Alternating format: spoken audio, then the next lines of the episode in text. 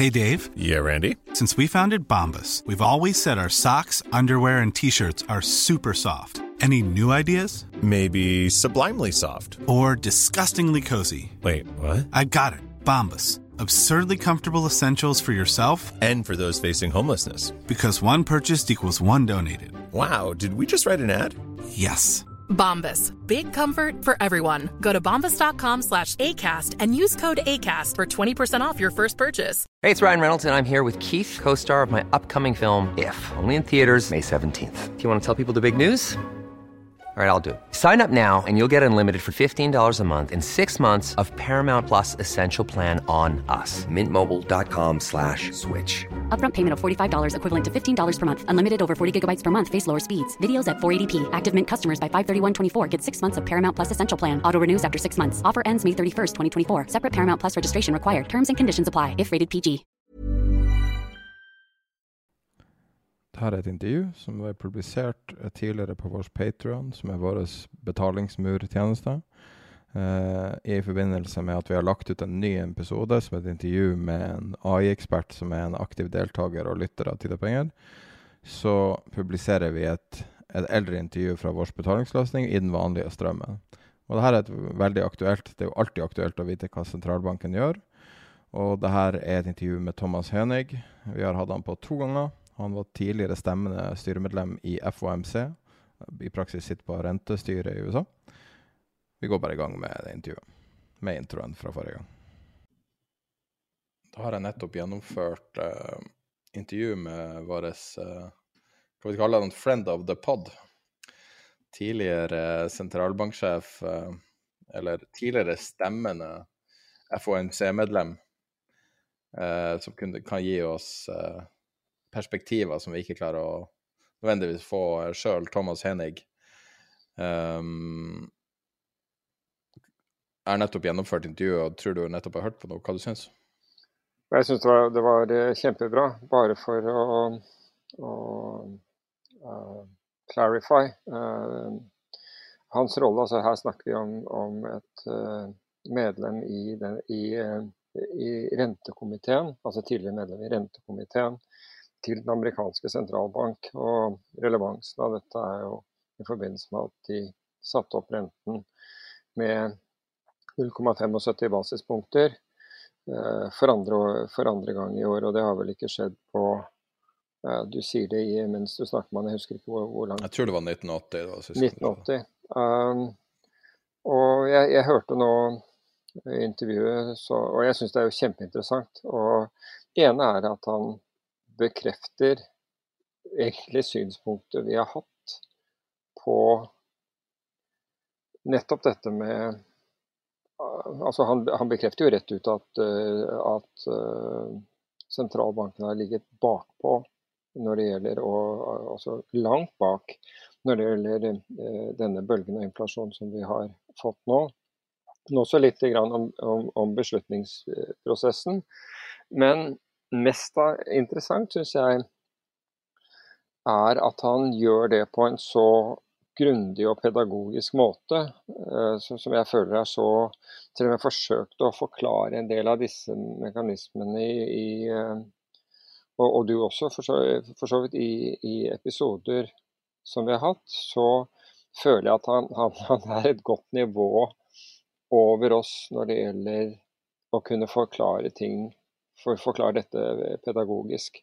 Og jeg tror at den pedagogiske forklaringen gir innsikt. Altså den tilfører noe, den tilfører lytterne eh, kunnskap om hva det er som faktisk foregår. Og at, ikke minst, at det som de legger vekt på, er, er flytende. Med andre ord, det er ikke I øyeblikket er, er det jo inflasjon fordi de er så langt bakpå, men det kan, det kan lett forandre seg. Altså, vi har jo bl.a. effektene på arbeidsmarkedet som, som kan, kan, dukke opp. Boligmarkedet, ikke minst aksjemarkedet, som var som uh, nåværende Fed-president uh, Powell ble rett og slett tvunget til å ta hensyn til av, av forrige president.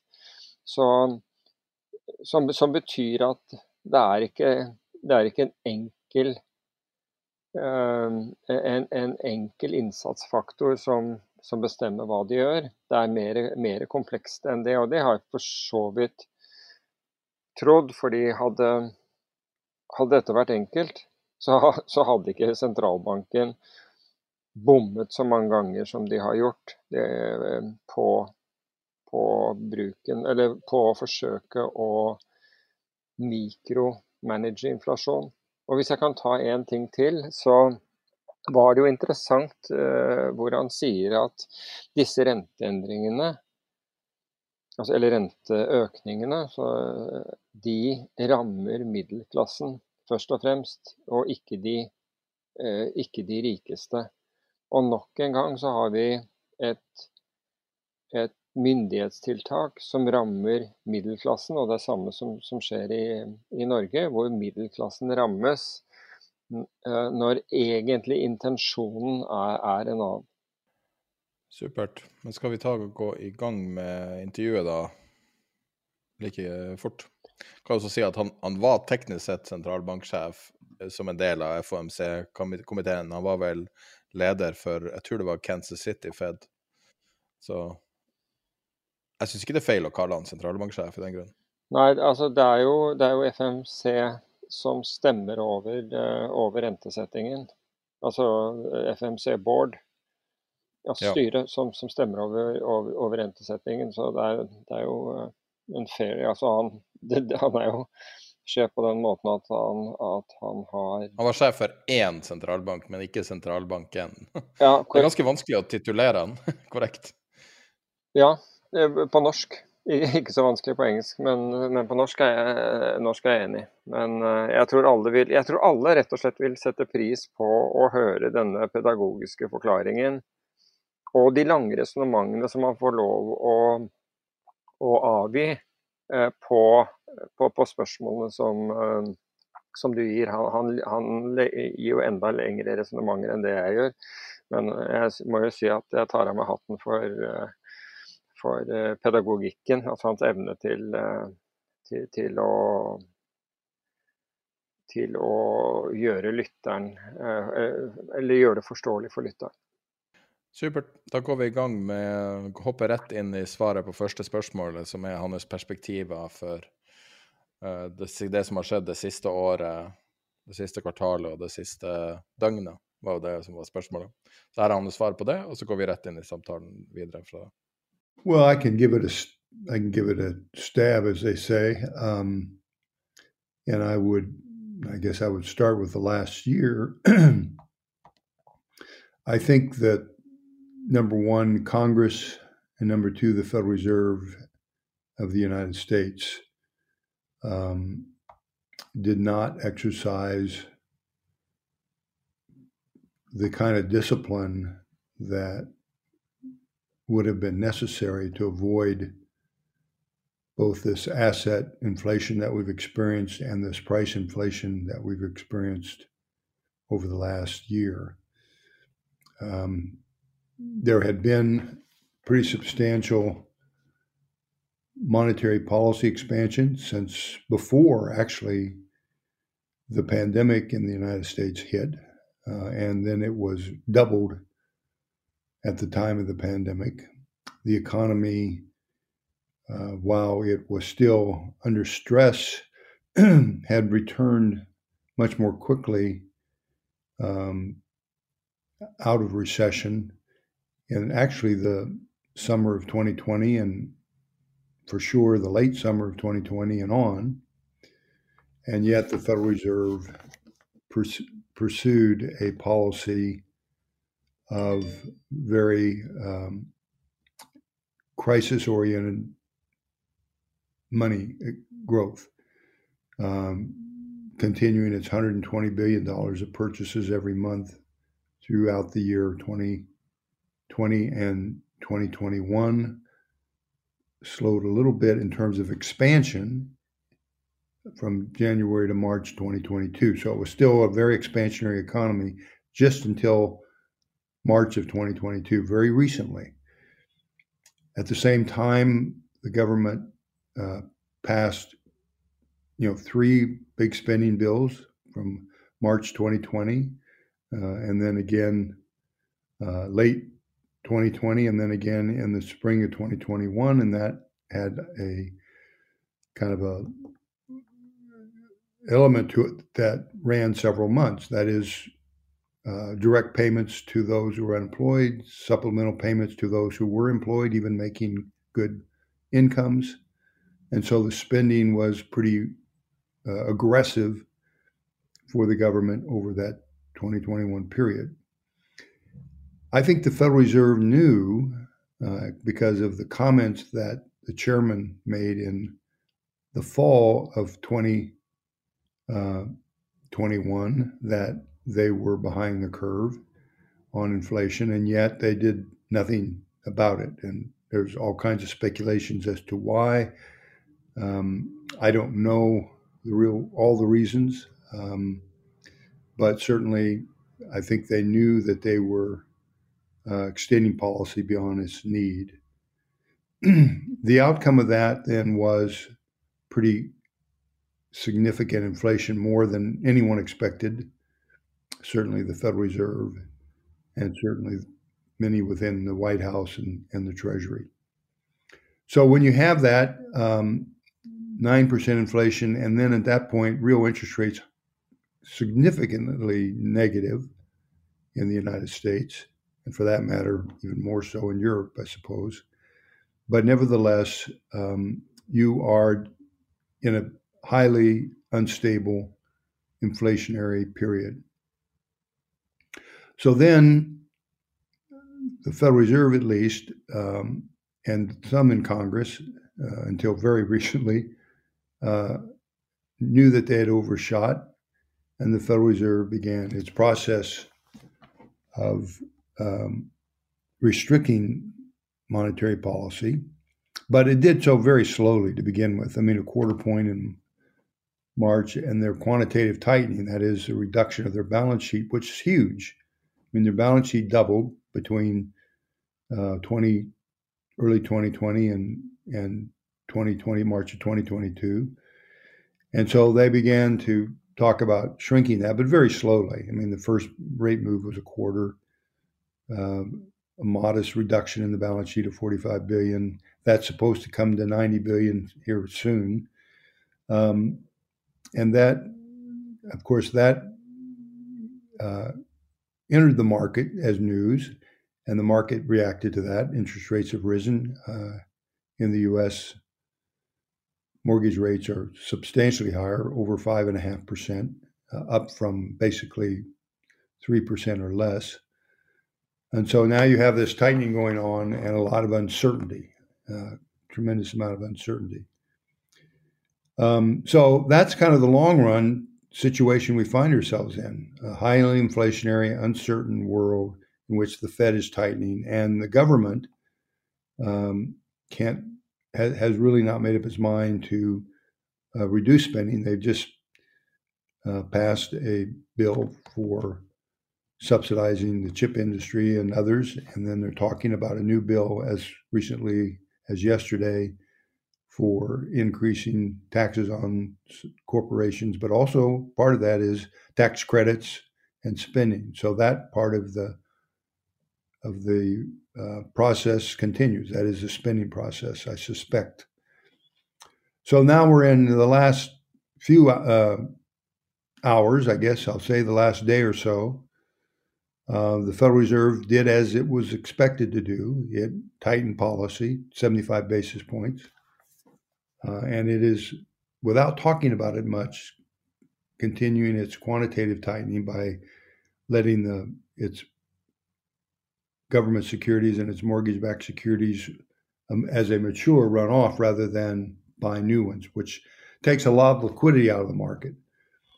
And so I think um, the outcome of that um, is more uncertainty, um, which I think is is difficult for the economy.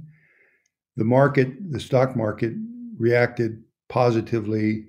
I think that important part of that is um, relying on some of the words of the chairman of the Federal Reserve, kind of waffling, if you will, on just how long rates will stay tight, which I think is what they're reading as not not too long, not not not past 2023, uh, and that's their reading of it. But that has an impact.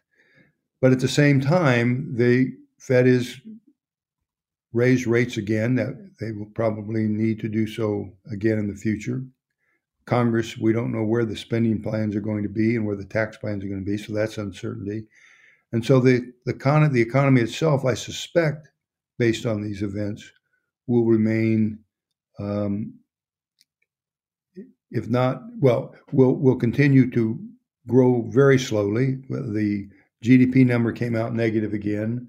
I'm not going to get into the definition of a recession, but I do know a slowdown when I see one and we do have a slowdown. And I suspect that slowdown must continue given the recent rise in rates and suspected further rise.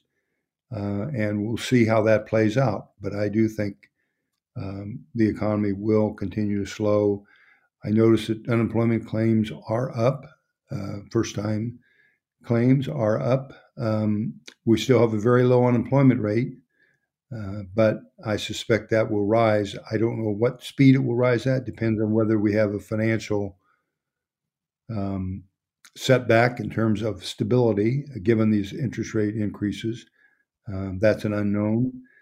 But I suspect that we will have this very slow kind of a quagmire of an economy as we move through the rest of 2022 into 2023. So that's kind of my prognosis.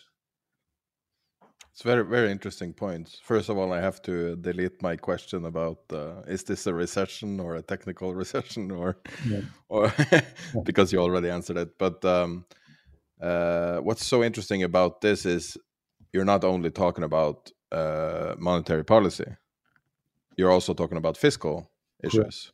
Correct. So what does the Fed? I mean, I, I know I asked you a similar question last time, but but it still kind of baffles me a little bit what does the Fed actually look at, and specifically Powell, of course, but what does the Fed actually look at and care the most about? Is there a, a hierarchy, or is it is it a little bit of a fluid situation? Do they change what they care about? Because if you look at the classical, it would be price stability, mm -hmm. but you're talking about multiple factors here, and when you talk about um, unemployment rate, you can't forget about participation rate, which is very low now. Mm-hmm. So, is is it possible to answer what does the Fed look at, or does it attempt to look at everything? Is that really the issue? I think I think the Fed looks um, at whatever the pressure point is on them most. And by that, I mean in the pandemic, when unemployment was rising very quickly, uh, they let all stops out and they, uh, they looked at the unemployment and they wanted to produce a policy, a very expansionary, very liquid oriented policy to address unemployment. Um, they then gauged uh, incorrectly or for whatever reason, uh, that inflation was rising, but it wasn't going to be their main concern at that moment until it became unavoidably something they had to deal with. And then inflation has become the target that they're looking at at the moment. And that's part of the difficulty because you don't know how to think about it going forward if inflation stays high but unemployment starts to rise, how will they? How will the how will the Federal Reserve? How will the Open Market Committee react to that? And I don't know the answer, and I don't think anyone does. Perhaps even members of the FOMC, because it is um, tr- in their mind a trade-off, a short-run trade-off. Perhaps it is, but a long-run trade-off it is less, and they're not thinking of the long run. They're thinking of the immediate the immediate issue they have right now is inflation, and they're looking at that. But that could change, and that repeats in a way what went on in the 70s in this country, where uh, we had inflationary increases, and they addressed that until unemployment started to rise. Then they backed off. The economy improved, but inflation started to rise, so they raised rates. And then the economy slowed, unemployment started to rise, and so they lowered rates. And so that's the danger. The danger is um, whether they are steadfast to bring inflation down much more close to their 2% target, or whether they will be satisfied with something less than that if the unemployment numbers start to rise. So it's not a fixed target. And that's that's that's what I think we all have to realize. Is it just general stability? Is there sort of measure, sort of this, like you said, you don't know exactly what it is, but you know it when you see it? is it that kind of a approach to have? Well, I don't know that it is. I mean, stability would be another factor if if by tightening as aggressively they were to cause uh, financial instability, the banks start to feel the pressure and begin to um, draw back or begin to show losses and so forth, and people become uh, concerned um, about that. Um, those are things that could, in fact, um, influence their actions. But at the moment, it's primarily the short run trade off between inflation and unemployment. And right now, inflation is the target. And they, and I think, I think Jay Powell said yesterday that he he's he feels confident that the financial industry uh, is prepared to um, deal with any of the effects of their tightening uh, without too much difficulty, which is a pretty confident statement um, on his part, but um, only time will tell if it's an accurate statement. In the last uh, month, two months, there's been uh, more and more talk about Fed's indicators and the fact that the Fed using uh, are using a lot of lagging indicators. I guess that's kind of because of Jay Powell has mentioned it, so he's brought it out. But uh, furthermore, they the decisions that are made are the results are somewhat lagging even though you get an immediate market response mm-hmm. the actual results take time yes. is this a legit problem or is it more of kind of an excuse for trying to sort of excuse away a recession well it's probably a combination um, there is an excuse element to this uh, you can't to miss the inflation outbreak to the degree it did, you you is hard to explain. Uh, many people, professional uh, individuals, were concerned about inflation well before the Federal Reserve began to take action. There's no avoiding that fact. At the same time, um, going forward, though, thinking forward from here, uh, it is a, a reasonably accepted perhaps universally accepted, I don't know, people might differ, but view and understanding, research supported that policy, especially monetary policy, more so even than fiscal policy, acts with long and variable lags. And so the actions that have been taken, uh, I think, are just beginning to have their place.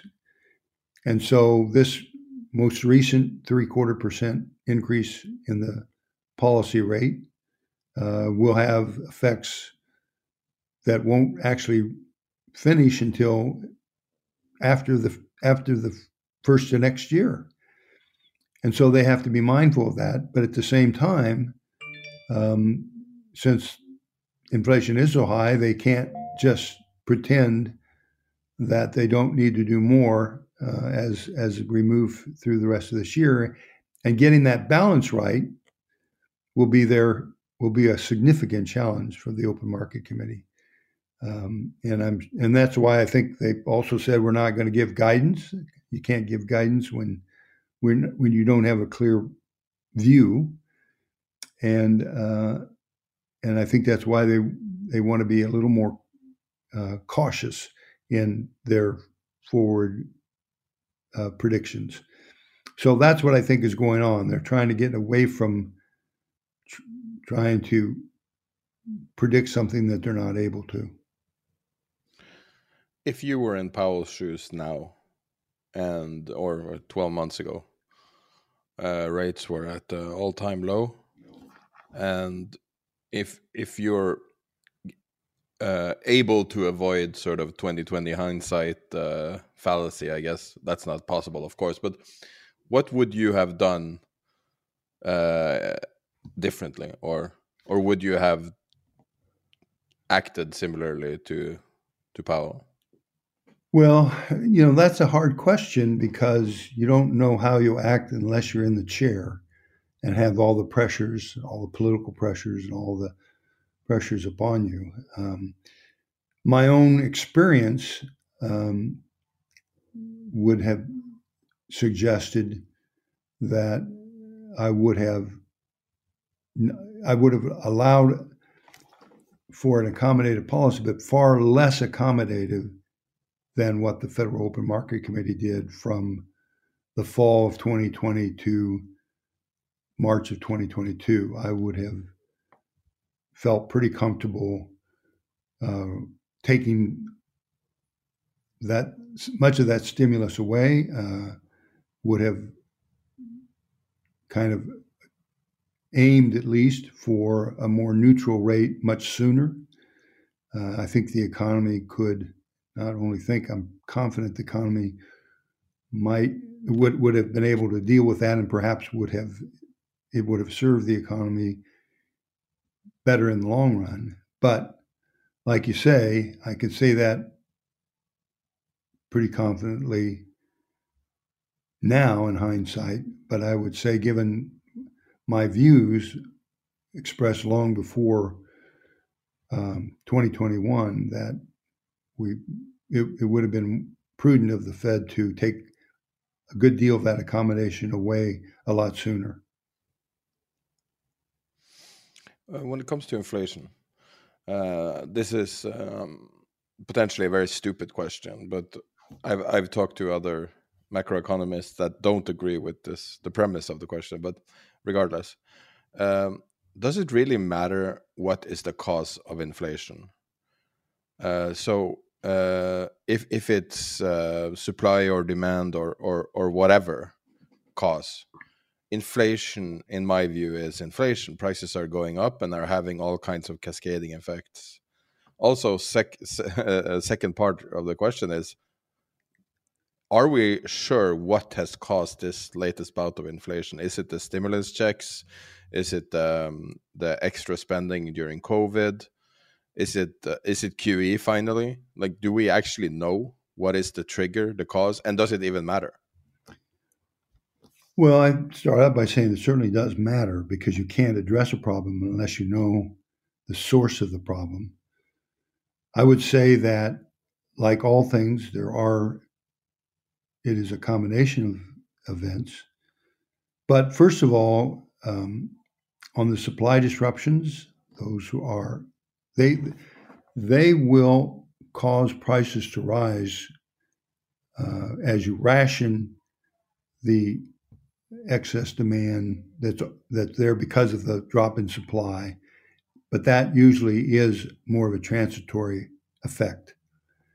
Um, if, on the other hand, if supplies are the same or fall, but you stimulate demand, as the U.S. did and as other countries did, by number one, increasing money, the base money, high powered money, that then can be loaned and spent and affect asset price inflation and, and affect goods prices because as you put more money in the hands even even in the in the banks to lend you can precipitate inflation. And then if you continue if your government with all good intentions um, create additional demand through the spending by by transferring money directly into the hands of the consumer or business or both then you you continue that stimulus uh, pass the adjustment in the supply disruptions and create an ongoing inflationary problem, which is what happened in the United States and to some extent, I think, globally. Now, what you're doing at the moment is trying to correct for that by um, shrinking demand, by removing the stimulus in terms of the money policy. And uh, I'm not sure of the government's intentions in terms of its spending policies, but that's a factor that, that could affect future inflation and so has to be thought about, I think, by the Congress and the president uh, as we go forward. But the Fed can, in fact, pull down the amount of money, and that will um, that will serve to constrain demand to some extent. Now, remember, the Federal Reserve also was a contributor to the inflation because when the government increased its spending, it did not increase its taxes. So it had to borrow all these funds. And the Fed bought in its uh, open market operations and other means uh, a good deal of that new debt that the US government issued during the 2020 21 period. And that, of course, is further stimulus uh, because it allows the government to spend money without raising taxes, which is constraining. And therefore, you actually uh, can accelerate the inflationary impulse that that spending created and that money creation created. And that's why I think it was it surprised people that inflation went up so quickly, so high. So it's it, there are causes to inflation. Some of them are transitory, uh, but this was precipitated a little bit by the dis- supply disruption and a very great deal by monetary extreme monetary expansion and extreme government spending. Now, remember, in the US at least, the federal budget between 2019 and 2020 went up 50%. And it stayed at that level in 2021. That is a huge increase in spending relative to the base. Uh, and I think it's hard, it would be hard to argue that it did not contribute to inflation. And then the Federal Reserve monetizing a good deal of that by buying U.S. government securities and mortgage backed securities, which affected the housing market as well. Uh, that is the responsibility of the Fed and its desires to um, stimulate the economy. We've seen uh, moves now by the Fed that's not been seen since the early 80s, I guess, uh, with yeah. the double uh, double, triple, uh, triple rate hikes. Yeah. Do you think the cure might be worse than the sickness? Well, uh, not necessarily. Um, if you if they don't address this, nine percent inflation uh, will become ten percent inflation, will become eleven percent, and that is a huge, huge regressive tax that affects middle class and lower middle class more than the wealthier. Uh, it creates instability in governments. Traditionally, it has, and I think there's no reason why it would not go, do so going forward. Now, if they try and solve their problem overnight, then it better be a very quick overnight because that bringing any any extreme unemployment uh, will create its own set of instability. But if you bring it down quickly but consistently, people know that's what you're doing, um, then you can get through this and get back on a level ground and have people employed again. And remember, uh, easy monetary policy does not guarantee you improvements in the standard of living. For example, after the Great Recession, uh, 2010, and it's quantitative easing through that period, 2010 to 2014 and so, um, productivity in the U.S. did not increase uh, all that much, and neither did real wages. Uh, compared to the post recession in the 90s, where uh, following the recession, um, productivity improved, uh, far more than it did after the after the Great Recession, and uh, so did real wages. And interest rates were actually higher in the period of the 90s than it was in the period following the Great Recession. So, low zero interest rates will not guarantee you wealth. Uh, it will guarantee you asset inflation. It will guarantee you if there's also government spending or other direct spending uh, facilitated by it. It can give you price inflation, but not necessarily guarantee you improvements in wealth and standard of living.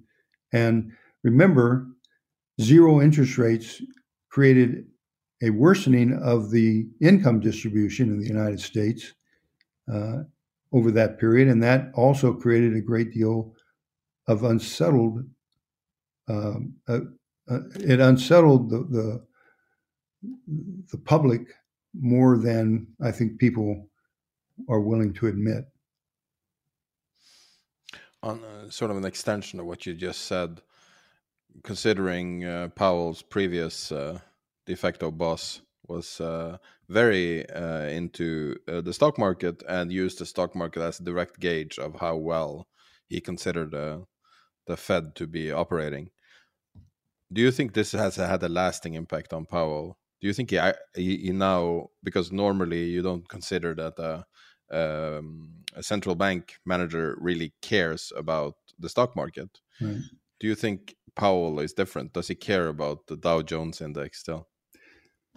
Well, I don't know the answer to that. I, I uh, given the actions they t- they they took, um, it would suggest they do care, but I don't know what other factors. Like I said, the unemployment rate may have been another factor that bothered them more than the stock market. So it's not that's not something I can answer. Only Powell can answer that question. I'm afraid.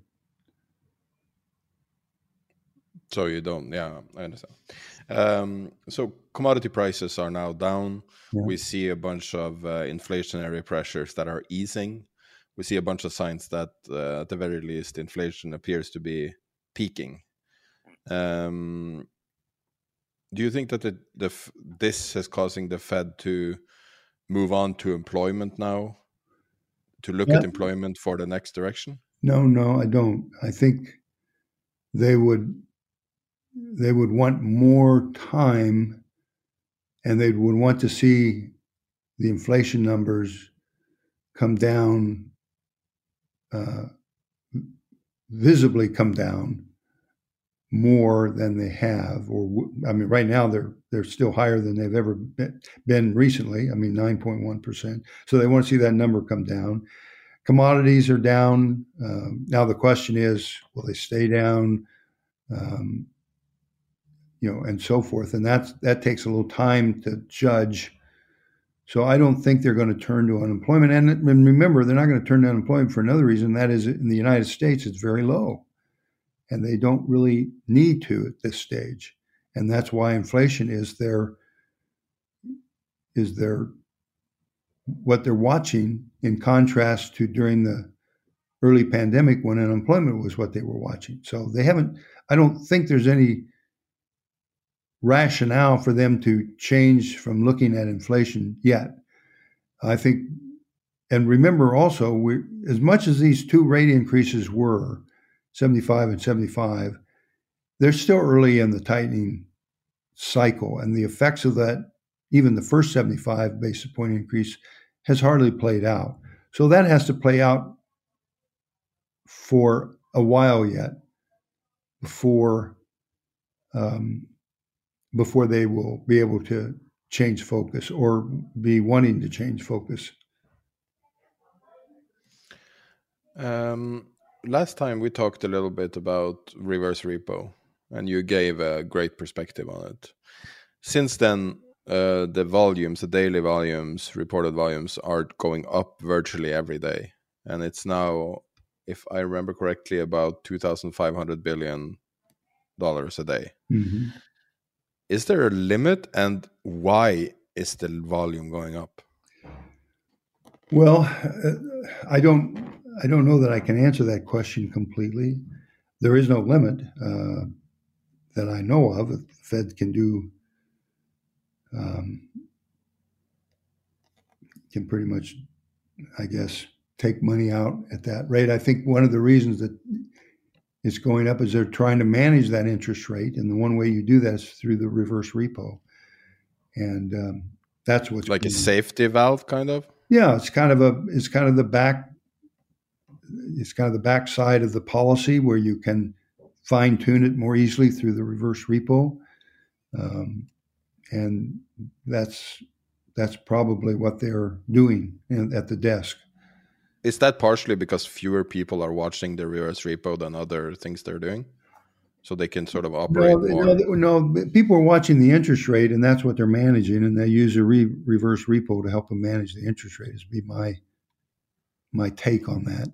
Others might have a different take on it, and may have, have better information than me. I don't know, but it's primarily managed interest rates, I think. Uh, just one final question. I'm gonna I'm gonna let you go about your day. Uh, in my perspective and many people's perspective, banks appear to be very strong now compared to other downturns where we've had much weaker bank sectors. But in your perspective, how strong are banks really? Well, I I think they are. Um, when people say they're they're better than they were, that's a fair statement when you think about it. I mean, they were very poorly capitalized at the Great Recession. Um, so, and they are better now. When they report 14% capital, they're talking risk-weighted assets. But when you look at their leverage ratio at around six percent in the U.S. and a little more than four percent in Europe, that's not a um, huge cushion uh, if you were to have a downturn. The, the, reason that that the markets will accept that is the market's very confident that these banks, these largest banks, which in the U.S. have more than half the assets, um, that they will be protected by the government. That's where the strength comes in. Really? Um, wow. And and that's a fair that's a fair assumption on the part of of the markets and the public that they will in fact be protected. Um, but if you were to ask me, are they well capitalized? I would say no. Their leverage ratio is six percent. Um, a smaller bank in the U.S., a regional bank, will have eight to nine percent. A smaller bank yet will have nine to ten percent. So they are uh, they can you know, and the losses in the Great Recession were about six percent. So they can absorb, I guess, the losses, but people lose confidence a lot sooner than that, except for the fact that they are backstopped by the government. That's kind of a surprising answer. Yeah. I would expect more of like the, the capitalization is much stronger now. It's the not. perception is that the, that they are stronger. They're better capitalized than they were, but that's that's different than saying they're well capitalized. Uh, if they if we were but if and if if they were on their own and the government were not there the market would insist that they have more capital. But they are protected and therefore 6% uh, appears to be a strong number. But it's only 6% six, six cents on every dollar of assets backing it. That's how much they use of investor funds to fund their operations. Um, there was a time when it was closer to eight, um, but that's the way it is. So I have held that view for years, um, and I, I think it's accurate. It's a very, interesting perspective, and and thank you so much for taking uh, time again sure. to talk to us and teach us a little bit about your profession. It's, well, it's well, genuinely very interesting, and well, I hope the future so turns out. Thank you very much, and, and I hope the future turns out well. yeah, me too. What do you think about the future then? What's your uh, what's your uh, crystal ball telling you? I think we're going to struggle for the next year and a half, um, and hopefully we will have learned something from from this experience and get inflation under control and um, and and move forward. I hope that social unrest in, in, this country and I think in other parts of the world, I hope it settles down. It has a better chance of settling down if the economies stabilize. And so um, that's what I think everyone wants. And the fact that everyone wants that may be the may allow us to get there uh, if they're willing to cooperate and, shall we say, find it, find that middle ground that's so essential for getting things done. That's a great sentiment. I totally agree. But thank you so much, and I will log off now. Uh, Confidence starts with loving who you are. And when your skin feels nourished and glows on the outside, you naturally radiate confidence from the inside. Give your skin a glow up with Osea's clinically proven Mega Moisture Duo. This ultra hydrating body care features two of Osea's best sellers, Undaria Algae Body Oil and Undaria Collagen Body Lotion. These seaweed powered heroes use skincare level ingredients normally reserved for your face for results you can see and confidence you can feel. Osea has been making clean, clinically proven seaweed infused face and body care products for over 28 years. This luxurious skincare is vegan, cruelty free, and climate neutral certified, so you never have to choose between your values and your best skin. Glow from the inside out. Get 10% off your first order with code GLOW at OseaMalibu.com. That's O S E A Malibu.com code GLOW.